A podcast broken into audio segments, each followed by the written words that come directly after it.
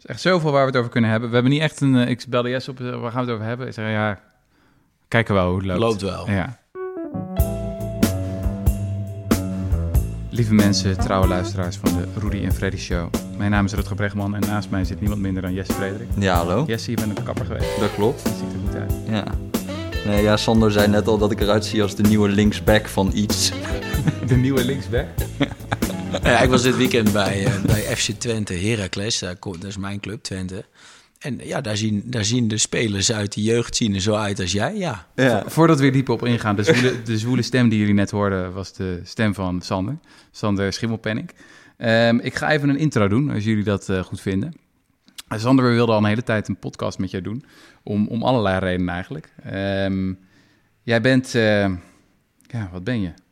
Je bent getraind als, je bent opgeleid als jurist. Je hebt rechten gestudeerd. Ehm, wat altijd vermeld wordt in alle biootjes die ik van je heb kunnen vinden, is dat je van adel bent. Je groeide op op, op een eh, familielandgoed in Twente. Vind ik ook schitterend. Eh, je had als tiener een vet Twents accent, heb ik begrepen. Kan je dat nog steeds? zeker. Oké, dat gaan we zo horen. Ehm, je werkte drie jaar aan de Zuid als, als advocaat. Toen ben je een pizza-restaurant begonnen. En nu ben je hoofdredacteur van de Quote. Ja, dan noemen ze jullie millennials, hè? Ja, Ja. ik vind het wel echt een vrij schitterende carrière. Nou, je Ja. hebt een vriendin in Zweden. Je bent huisjesmelker in Kroatië. Oh, Eh. nou, nou, waarde toevoeger. Kroatië. Ja. Ehm, ik vind het ook heel mooi. Ik, ik ging natuurlijk een beetje verdiepen in hoe dat dan is om, eh, om graaf te zijn. Of ben je graaf, kan ik het zo zeggen? Ja. ja. Ik ben een beetje een knuffelgraaf, of ik zou ook kunnen zeggen een beetje een paupergraaf. Ehm, ik kwam ergens tegen dat je... De tragiek van het oude geld is dat hun huizen gebouwd zijn op het hebben, hebben van personeel. Mijn ouders wonen nu in Nijenhuis en dat is zonder hulptroepen geen pretje. Er is bovendien ijskoud. Er is wel cv, maar voor de reis tussen de kamers moet je een jas aan.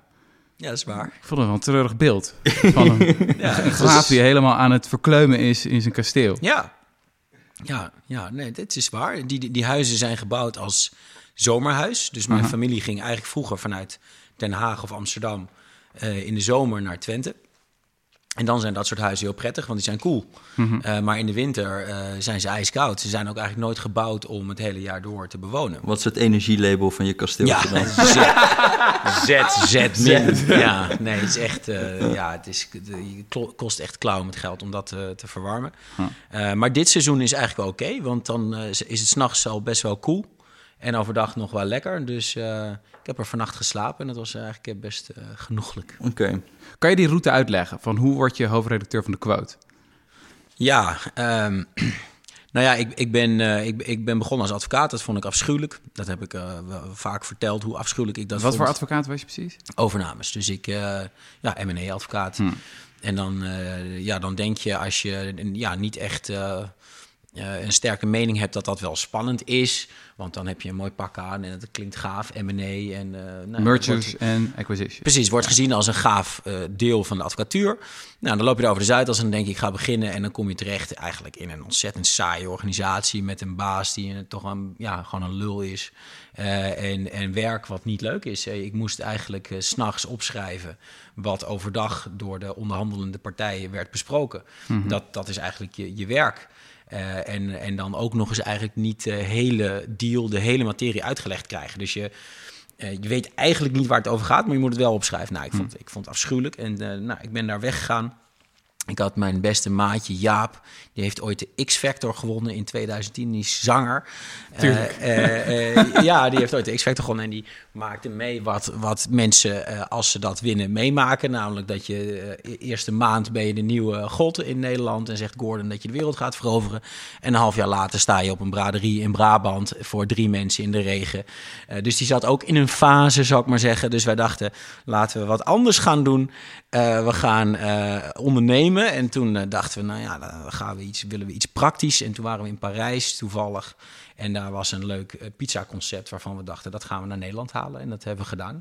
Bestaat het nog? Kan ik Nee, bestaat niet meer. eten? Nee, het, wa- het was wel. Het ging eigenlijk best aardig. En we hadden een locatie hier in de Pijp, de, het Gerard Douwplein en in de Voethallen. Eh, dus we hadden twee eh, plekken. Eh, maar nou ja, na tien maanden dacht ik wel van... Ik, ik wil eigenlijk toch ook wel iets met mijn hoofd doen en schrijven. Dat vond ik altijd toch wel leuk als advocaat. Mocht ik te weinig, naar mijn gevoel.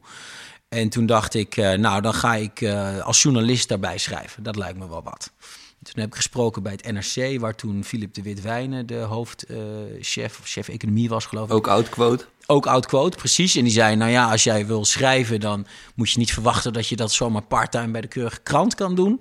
Uh, maar dan kun je wel eens gaan kijken bij Quota. Willen ze nog wel mensen met zo'n ramp uh, cv als jij uh, aannemen. Nee. En toen heb ik een stukje geschreven over stipsters. Start-up hipsters. In 2013 was dat een actueel thema. en toen vonden ze dat wel leuk. En toen mocht ik daar parttime komen schrijven. En toen ben ik dat eigenlijk gaan combineren.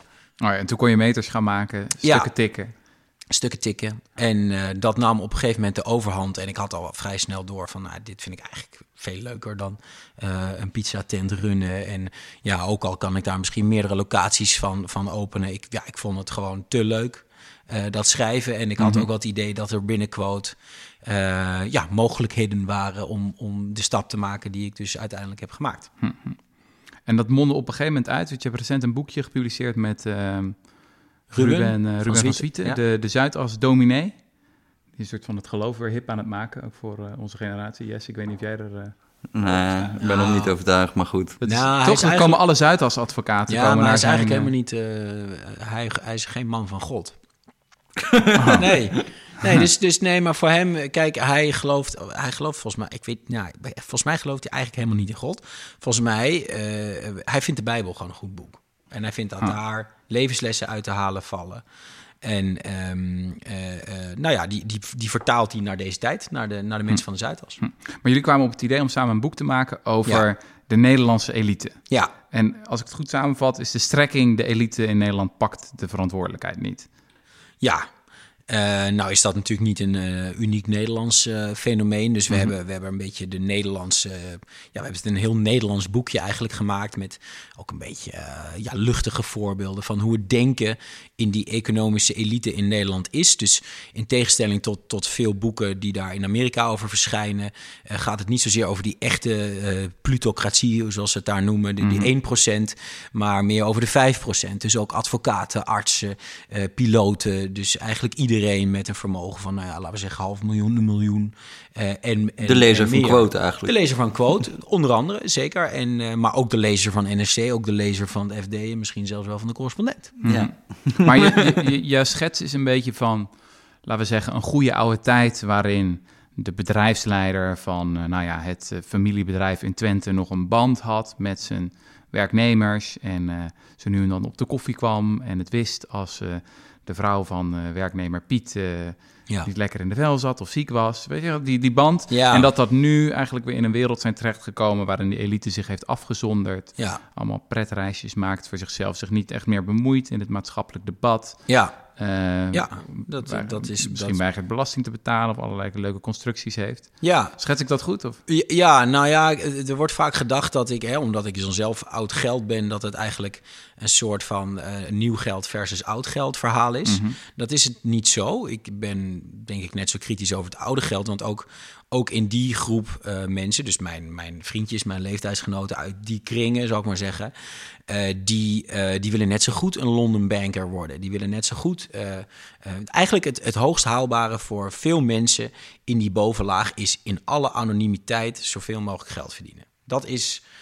als je jonge gasten in Rotterdam, waar ik heb gestudeerd, vraagt. Wat, hè, als je even doorvraagt, wat wil je nou echt doen? Nou, dan is het dat. En eh, je kan je afvragen of, eh, of dat eh, een goede besteding van alle talent is. Dat alle talentvolle mensen in een, in een bovenlaag als, als ambitie hebben om in alle anonimiteit, zonder verantwoordelijkheid, zonder zichtbaar te zijn, zonder je nek uit te steken, geld te verdienen.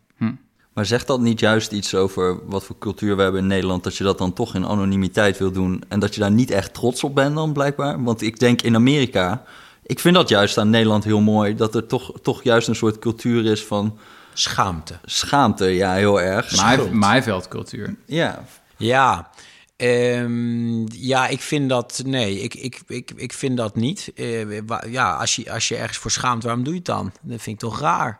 Eh, kijk, Amerikanen die schamen zich niet, want die zien oprecht niet het probleem. Die zijn nee, natuurlijk maar heel wij dus blijkbaar wel. Dat, is de, Ja, dat, maar- dat, dat houdt het Ja, maar als je weet wat het probleem is, waarom doe je het dan? Dat vind ik extra gek, zou ik zeggen. Ja. Kijk, die Amerikanen zijn hartstikke libertarisch. Die vinden geen enkel probleem. Ja, ik, ik pak gewoon wat ik, wat ik kan pakken. Dat doet iedereen hier. Winner takes all. Ja, dat hoort erbij. Nee, maar bijvoorbeeld wat mij altijd fascineerde was die gozer van Lehman Brothers. Hè? Die, heel die Ja. bank die flikkerde in elkaar. En toen heeft die lul zichzelf gewoon een half miljard gegeven. Die CEO. Dick Folt heette die ook. Echt een mooie naam. Dick Folt. En die, die heeft zichzelf toen een half miljard gegeven. Ja. Gewoon krankzinnig. Als iemand dat in Nederland zou doen, dan zou die echt met pek en veren. Wij zitten al over een, over een bonusje van 4 ton of zo. Dan flikkeren wij al over elkaar heen om, om Ja. daar boos over te worden. Ja. Dat is Nederland. Dus Ja. wat dat betreft denk ik, we hebben best een gezonde elitecultuur van dat, dat mensen daar toch Ja, een beetje afkeer van hebben. En, en dan kijk ik ook naar CEO's. Hè. Je hebt mensen als John Fijker Cybersma van Ja. DSM. ja nee, maar kijk, Dus nee, lopen maar- echt best wel veel goede elite rond, denk ik eigenlijk. Nou, dat, dat, is, dat is zeker zo. Eh, die zijn er ook wel degelijk. Alleen eh, ons, ons boek gaat, gaat niet zozeer over inkomen, hè, over salarissen, over bonus. Ik heb niet zo moeite met, met een topman die een bonus pakt. Dat vind ik niet zo erg. Ik heb niet zoveel moeite met het salaris van, van, van iemand die. eh, Matthijs van Nieuwkerk Matthijs van Nieuwkerk, bijvoorbeeld. Daar heb, ik, daar heb ik niet zoveel moeite mee. Het, het, het boek gaat natuurlijk vooral over vermogens, over erfenissen.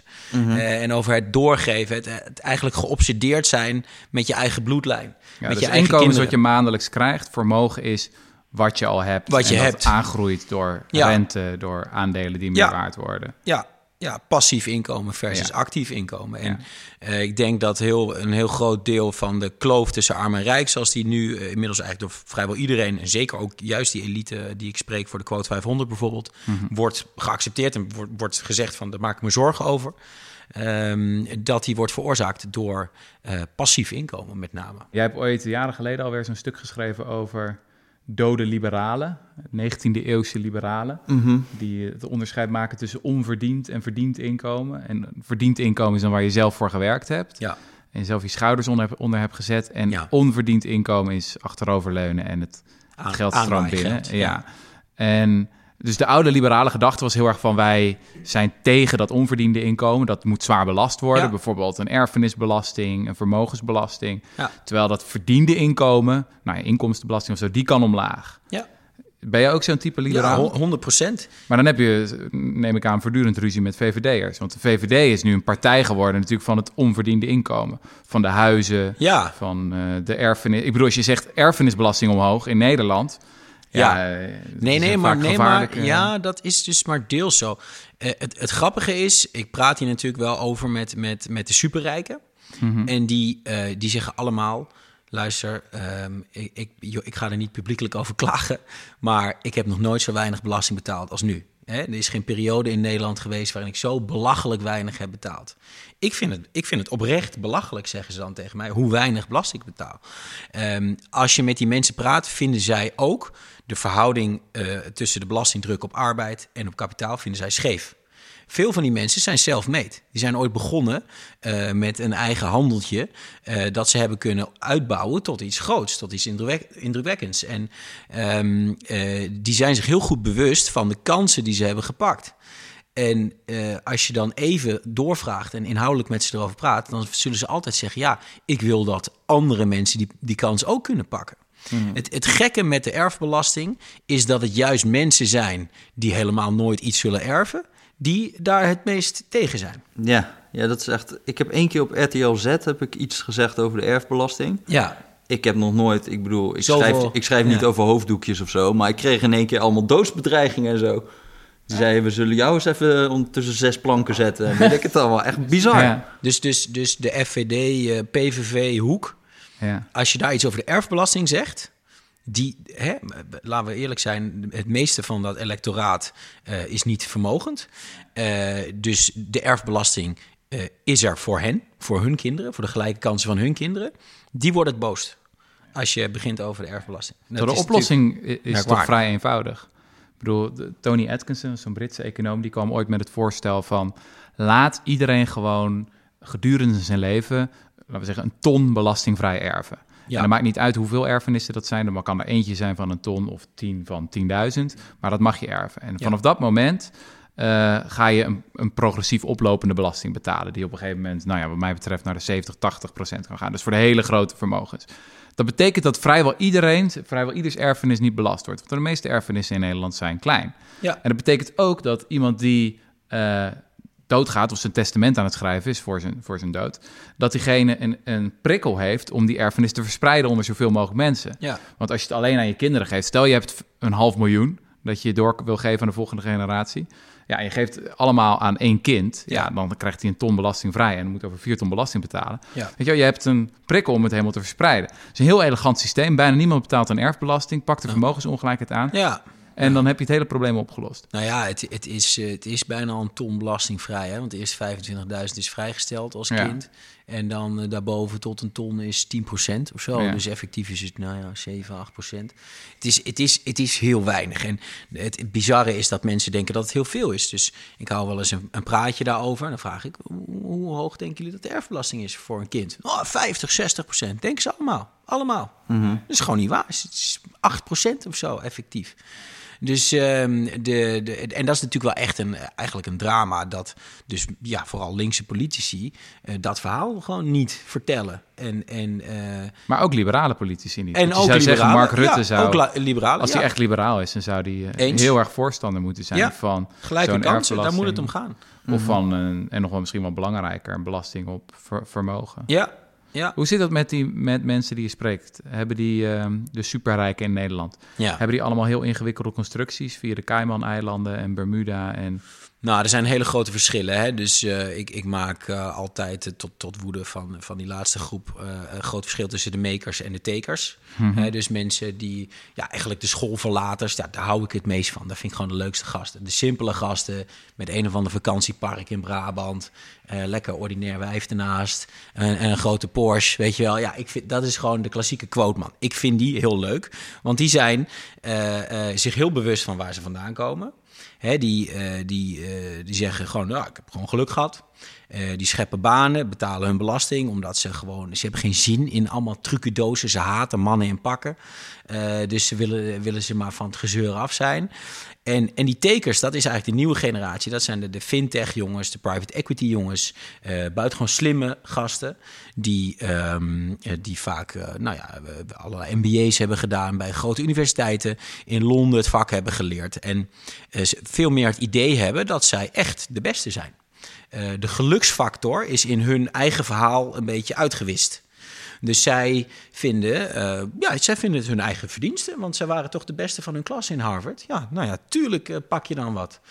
En, um, uh, en die hebben dus ook minder respect voor bijvoorbeeld de overheid. Dus die zien uh, belastingontwijking, wat wij ethisch uh, niet oké okay vinden, vinden zij, ja, vinden zij een plicht. Want zij zijn slimmer. Zij zijn beter in staat om dat geld goed te besteden via filantropie of een of andere foundation. Dan, dan die sukkels van de overheid. Want ja, die zijn niet voor niets bij de overheid gaan werken, want dat zijn sukkels. Mm -hmm. Zo denken ze. En die groep, die takers, en, en hun denken, wat natuurlijk heel anglo-saxisch beïnvloed is, mm -hmm. uh, ja, die begint toch, ja, de, de, dat, daar zit de meeste groei in de quote 500. Mm -hmm. En uh, die vind ik minder leuk. En die hebben ook minder de neiging om hun verhaal te vertellen, want die hebben natuurlijk ook niet zo'n leuk verhaal. Mm -hmm. ja, hoe ga je nou een leuk verhaal vertellen als je alleen maar bedrijf aan het leegtrekken bent met je private equity tent? -hmm. Ik heb een hypothese die ik je wil voorleggen. Gaat als volgt. Um, we hebben natuurlijk uh, de crisis gehad, 2008. Uh, klimaatverandering is een steeds belangrijker thema voor veel mensen aan het worden. Um, in heel veel opzichten lijkt het alsof de, voor mijn gevoel, de politiek interessanter is geworden dan, we zeggen, 15 jaar geleden. Dat grote vragen weer op het spel staan. Ja. Na, na Occupy Wall Street en zo, na de financiële crisis, was heel erg de vraag van waar is links? Weet je wel, links lijkt dood te zijn. Mm. Dus je nu kijkt met de opkomst van figuren als AOC, eh, weet je, Alexandria mm. Ocasio-Cortez. Ja congresvrouw in de VS of uh, enorme populariteit of uh, wat je ook verder van de vindt van iemand van als Greta Thunberg, ja. um, lijkt het alsof die tijdgeest aan het kantelen is. EOC, Greta Thunberg, ik zou daar Sander Schimmelpenning naast willen zetten. Volgens mij ben jij ook een symbool van de kantelende tijdgeest. Als in dat je een klassiek... nee, serieus. Ik ga het punt Lekker maken. rijtje, hoor. Nee, maar eh, een klassiek... Je hebt een klassiek... Genoeg trollen achter me aan. op Nee, maar- jongens. eh, Je die hebt een klassieke rechts-imago, weet je wel, je, Ja. bla bla bla, het verhaal Net wat je honderd keer vertelt, de knuffelgraaf, een beetje de jonge Jort Kelder, zouden sommige mensen kunnen zeggen. Maar vervolgens Maar dan mooier. heb je een, heb je een soort van echt veel, ja, links is misschien niet het goede woord, maar bij gebrek aan beter, een veel links-liberaler verhaal, veel Ja. Ook een eh provocerender verhaal. Ehm, zie je dat zelf ook zo?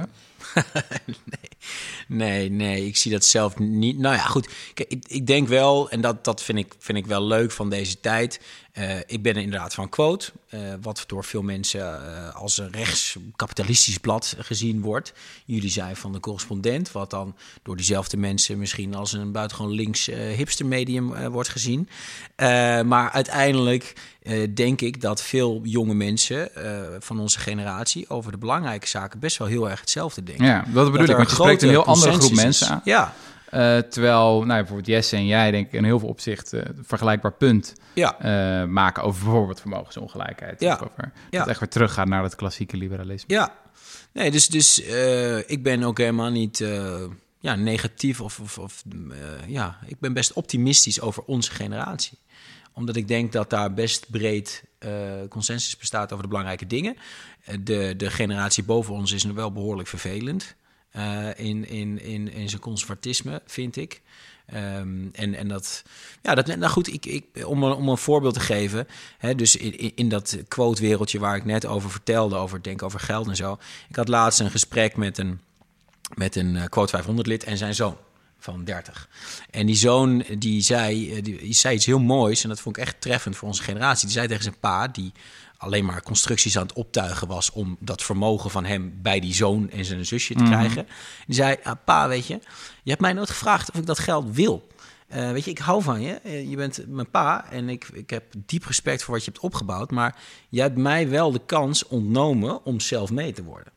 Nou, dat vond ik, vond ik zo. Hè, dat is gewoon, gewoon een of ander nijrode jochie. Maar wel dat, eh, dat besef en, en dat, dat idee, nou, dat vond ik best wel. Toen dacht ik, potverdorie, het komt nog eens goed met de, met de wereld. Eh, als, als dat besef er is, van jongens, wat, eh, waar doe je het nog voor? Ja. Eh, waarom moet ik 100 miljoen hebben? Wat heb ik daar aan? Mhm. Ik had een gesprek een tijdje geleden met een eh, ingenieur van de TU Delft, een hoogleraar daar, die nadenkt over hoe we Nederland gaan beschermen als eh, de zeespiegel meters gaat stijgen. En die zat met de ene na het andere megalomane plan te vertellen over we gaan eilanden opspuiten aan de kust en een grote ringdijk eh, rondom Zuid-Holland en al dat soort eh, wilde ideeën. Ja. En die vertelde ook van dat toen hij studeerde, wat was het, in de jaren negentig, toen was hij een van de weinigen die ingenieur bleef. De rest ging allemaal, weet je wel, die eh, Ja. gingen de financiële sector in of eh, de, de techwereld. Ja. En hij zag nu bij zijn studenten dat het heel anders is. Dat veel meer studenten gewoon ingenieur willen blijven Ja. en iets willen maken, iets willen bouwen. Ja. En dat vind ik wel heel interessant, van ook hoe die culturele eh, component zo'n rol speelt. Eh, ja, heel veel dingen waar tien jaar geleden helemaal geen discussie over was. Ja. Daar beginnen nu, ook al kan het vaak nog wel, mensen zich voor te schamen. En denken ze, wil ik dat eigenlijk wel? Maar goed, de uitdaging ligt nog wel.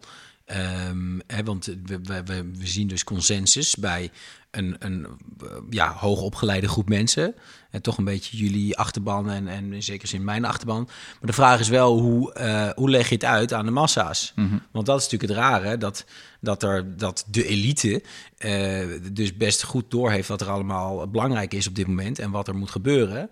Maar dat dat uitleggen niet wil. En, en, en dat, eh, dat eh, vroeger was de elite natuurlijk rechts en conservatief en alles houden zoals het is. En nu begint, is dat gewoon helemaal omgedraaid. Oké, iets anders. Ja. Je had onlangs een, eh, een eerste column in de Volkskrant. Je bent columnist geworden voor de Volkskrant. En dat was een, ik mag wel zeggen, zeer scherpe column over de millennial, over onze generatie. Dat is natuurlijk sowieso de vloek van mensen die nou ja, een beetje jong zijn zoals wij, dat je de hele tijd iets moet zeggen over jouw generatie. En ook van die mensen die beroepsjongeren worden. Ja. Een soort van Tim Hofman of zo. Een soort van, dat je, je werk is om steeds te zeggen, ja, ik heb weer contact nog met Ik heb weer contact gehad met mijn generatie en mijn generatie vindt, eh, vindt dit. Maar goed, dat is op een gegeven moment ook een verdienmodel dat ophoudt, denk ik. Ja. Ehm, maar eh, dat was een vrij pittige column over de millennial. En toen dacht ik, eh, kan je iets pittigs zeggen over de correspondent? Wat vind je eigenlijk van de correspondent? Daar ben ik nou eigenlijk best wel nieuwsgierig naar. Ehm, nou, ik vond jullie in het begin buitengewoon eh, irritant. Uh, pedant, uh, belerend.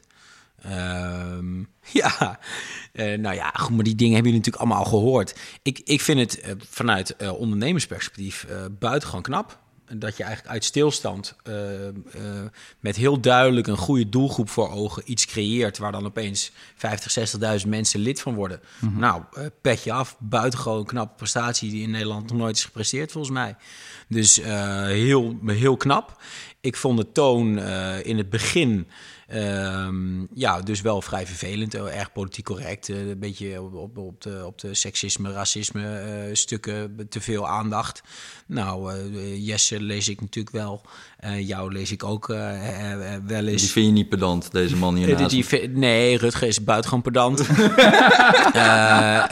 Jesse gelukkig minder. Ik had meer, wel ook iets harder Meer vragend. Een, nee, maar, ja, maar kijk, weet je... De, ik, ik, ik, ben, ik heb verschil. Ik ben een soort uh, schizofreen mens natuurlijk. Hè. Op Twitter, de, ja, ik, ik denk dat je als moderne journalist moet je voor elk medium moet je, je eigen toon uh, hebben. Dus op Twitter ben ik gewoon een monster. Dan loop ik natuurlijk uh, Baudet-fans tot op het bot te beledigen. Vind ik gewoon oprecht leuk. Heb ik echt lol in. um, ja. Uh, maar ook uh, social justice warriors, die zijn net zo krankzinnig. Dat vind ik ook leuk om daar tegenaan te trappen. Het is gewoon heel dankbaar ja. werk. Als je Want even, even uit je Baudet-genre. Uh, ik kan dat niet goed nadoen, maar je hebt, de Baudet-stemmer is volgens jou een soort van de gefrustreerde Dom accountmanager. Stokkie. Ja, kan je dat nog even... Ik vond dat zo... Nee, nou goed, kijk, de, je, je hebt natuurlijk de, de, de geluid-PVV'ers, dus de mensen die eigenlijk op Wilders willen stemmen, maar dat niet, niet, toch niet chic genoeg vinden. Mhm. Mm -hmm. uh, en je hebt de flank van de VVD, die is overgelopen naar uh, Baudet. En dat zijn, ja, dat zijn uh, toch een beetje lullige accountmanagers. Ja, Finex, Finex FVD. Die is Harry Menskijk. Ja, die vrij libertarisch zijn. Die zijn allemaal heel erg tegen erfbelasting natuurlijk. En Hm. uh, die vinden dat, uh, dat je het zelf moet doen in het leven. En uh, ja, ja een, een beetje pro proleet rechts. Hm. En dat was, dat was eigenlijk de groep Otte. Hè? En die zijn zich nu aan het afkeren van, van wat er nog over is. En dat, dat is een beetje die harde kern van Baudet-fans. En dat zijn natuurlijk een beetje de onzekere Jordan Peterson-lezers. Van die jongetjes van twintig een beetje HAO-niveau, die dan op hun uh, zolderkamertje dan een, een herenkamer inrichten met, met, met, met whisky. en dan uh, niet hè, dan een soort van dispuut hebben uh, met nepdassen en zo. Dat, dat, dat, Heb jij dat, dat niet ook gedaan, Rutger? Ja, toen ik twintig was. Oh, ja, okay. ja, nee, maar goed, maar dat, dat zie je op die jong FVD-bijeenkomsten. van, van dat soort jongens die geen meisje kunnen krijgen. Mm. Ja, nou ja, dat is, dat, dat, dat, ja, dat is prima.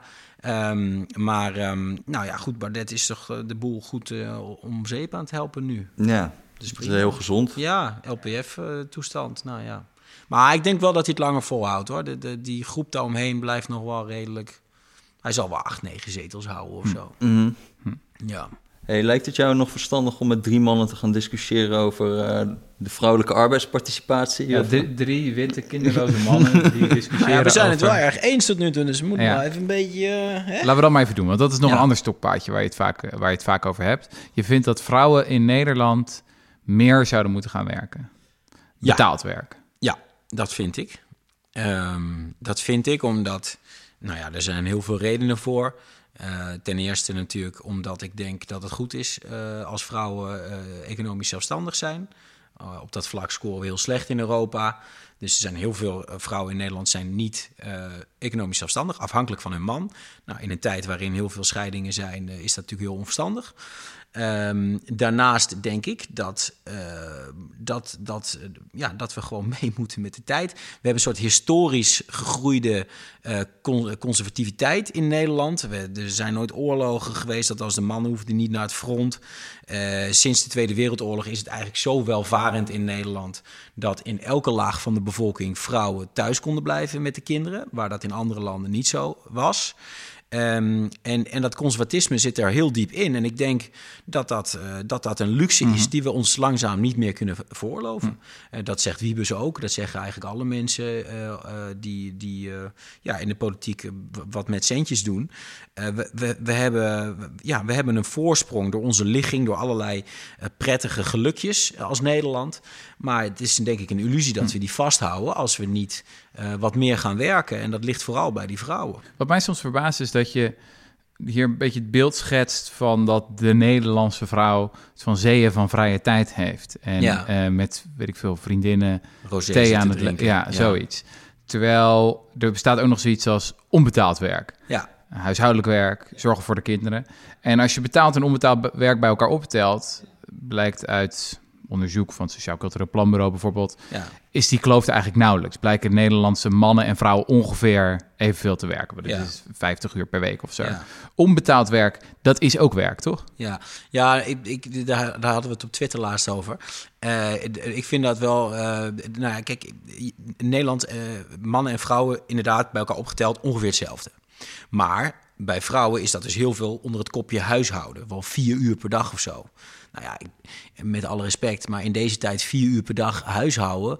eh, wat, wat, wat ben je dan de hele dag aan het doen? Bedoel, we hebben toch, nee, maar we hebben toch geen nee, serieus punt? Nee, maar nee, dat is wel een serieus punt. We hebben toch wasmachines. We staan toch niet op de blaak met een paar lakens eh, eh, de, de vlekken eruit te boenen met z'n allen. Je, je- ja, dat is toch gewoon vier uur. En kijk, in al die andere landen speelt dat natuurlijk ook. Eh, maar waarom, waarom eh, werken vrouwen daar dan wel veel meer?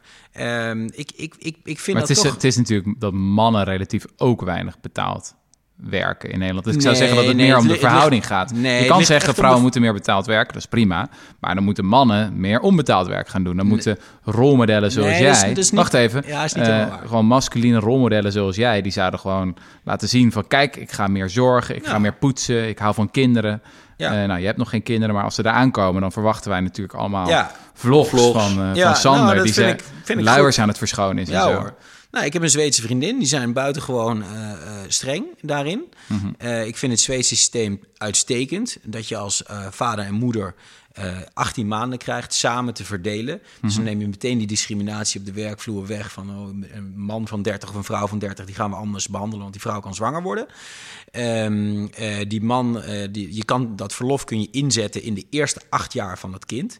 Dus als man loop je misschien best een beetje in de weg in die eerste fase. Nou ja, dan bewaar je jouw verlof tot dat kind misschien zes is en problemen heeft op school en wat extra aandacht nodig. Ik vind het een topsysteem. Maar het wisselgeld in Zweden is wel dat je eh, fulltime aan de bak gaat als vrouw. Parttime bestaat daar nauwelijks. Maar daar is de werkweek ook korter, toch? In het algemeen. Dus de ja, fulltime ze werkweek is van, korter. van 8 tot 4. Vrije, hè, dus vrij korte dagen. Ehm, En wij hebben het zo verdeeld dat vrouwen deeltijd werken en mannen fulltime, maar dan wel langere werkweken. Ja, ja, nou, maar goed, kijk, als je, als je heel simpel kijkt naar eh, het totaal aan verplichtingen waar jij net over had, dus de optelsom van huishouden, werk, et cetera, dan doen Nederlandse vrouwen het minst van Europa. Ja, maar dat vind ik een oneerlijke vergelijking. Want Nee, je moet toch vergelijken ten nee, opzichte want- van Nederlandse mannen. Ja, want nou goed, oké. Doen Ne- Nederlandse Nederla- mannen Nederlandse mannen zijn, relatief zijn de enige mannen in Europa die dus eh, meer eh, bij elkaar opgeteld doen dan vrouwen. In geen enkel ander land is dat zo. Een heel klein beetje, maar dat is ja, echt, nou goed, maar nauwelijks ik, ik, meetbaar. ik vind toch dat mannen, daar, daar komt het natuurlijk eigenlijk op neer. Ik vind dat mannen in Nederland een vrij slechte deal hebben, omdat zij eh, dus meer eh, eh, meebetalen aan, aan, aan de over, overheidsfinanciën, meer belasting ophoesten met z'n allen. Ja, maar Eh, eh, en- je- die hebben toch ook helemaal geen zin om dan thuis het huishouden te doen of zo? Wat, Nee, dat- nee, maar ik zeg ook, nee, maar dat waarom huishouden. is het een dat- slechte deal? nou, omdat, omdat eh, Ze kiezen daar toch voor? Ja, nou ja, goed, maar kijk, we betalen met z'n allen mee aan allerlei eh, zaken zoals bijvoorbeeld de AOW. Ik heb mannen gaan eerder dood, dus eh, het is gewoon een hele slechte, slechte deal als man om zo hard te werken voor iets waar je, waar je, waar je nooit iets eh, voor, voor terugkrijgt. je zou het ook andersom Kijk, in kunnen deze zeggen. tijd, nee, maar goed, in deze tijd zijn mannen en vrouwen gewoon gelijk. Dus je, ik vind gewoon dat je van mannen en vrouwen moet verwachten dat ze in gelijke mate bijdragen aan een gezin, in gelijke mate bijdragen aan overheidsfinanciën. Eh, gewoon alles gelijk, heel Ja, simpel. Ja. En nou, eigenlijk twee dingen. Dus enerzijds zou ik dan zeggen van... moet je oproep zich dan niet veel meer richten op Nederlandse mannen? Van ga zelf meer doen in het, Ja. in het huishouden, in zorg voor de kinderen... Ah. zodat de vrouw Nou ja, meer goed. ruimte krijgt om betaald te werken. Ja. Dat een, enerzijds. En anderzijds van Nederlandse mannen hebben een slechte deal. Is het niet juist andersom? Ik bedoel, de Nederlandse man is heel vaak een, een accountmanager... in een of andere bullshit job die op werk zit te Facebooken... Eh, en die krijgt er nog betaald voor ook. En oh, die betaalt dan belasting en die draagt bij aan de AOW. Terwijl de vrouw het onbetaalde werk zit te doen, dat vaak veel belangrijker is. Ik bedoel, als mensen stoppen met zorgen voor hun kinderen of het huishouden, dan, dan gaat de, de boel behoorlijk naar de knoppen in dit land. Dus wie heeft hier dan de slechte deal? Ja, nou toch de mannen. Eh, ja, ja, want die zitten, ja, die zitten in die bullshit job. Eh, nee, ik, ik, ik, ik, ik, ik weet... kijk, ik ben natuurlijk helemaal met je, jouw, jouw bullshit eh, job verhaal... daar ben ik natuurlijk erg mee eens. Want er zijn heel veel eh, banen totaal troep. Maar, ehm, eh, en dat is... eh, ik geef onmiddellijk toe, dat is persoonlijke ervaring. Dat zijn verhalen die ik hoor. Maar ik, ik zie echt heel veel hoogopgeleide mensen om mij heen... eh, leeftijdsgenoten, ik ben 35, die een jong gezin hebben... waarvan de vrouw dan op een gegeven moment binnenkomt. Hè, die is dan gewoon category manager bij Ahold of weet ik veel, zo'n soort baan. Die komt dan binnen en die zegt tegen, tegen een maatje van mij... Schat, ik heb goed nieuws.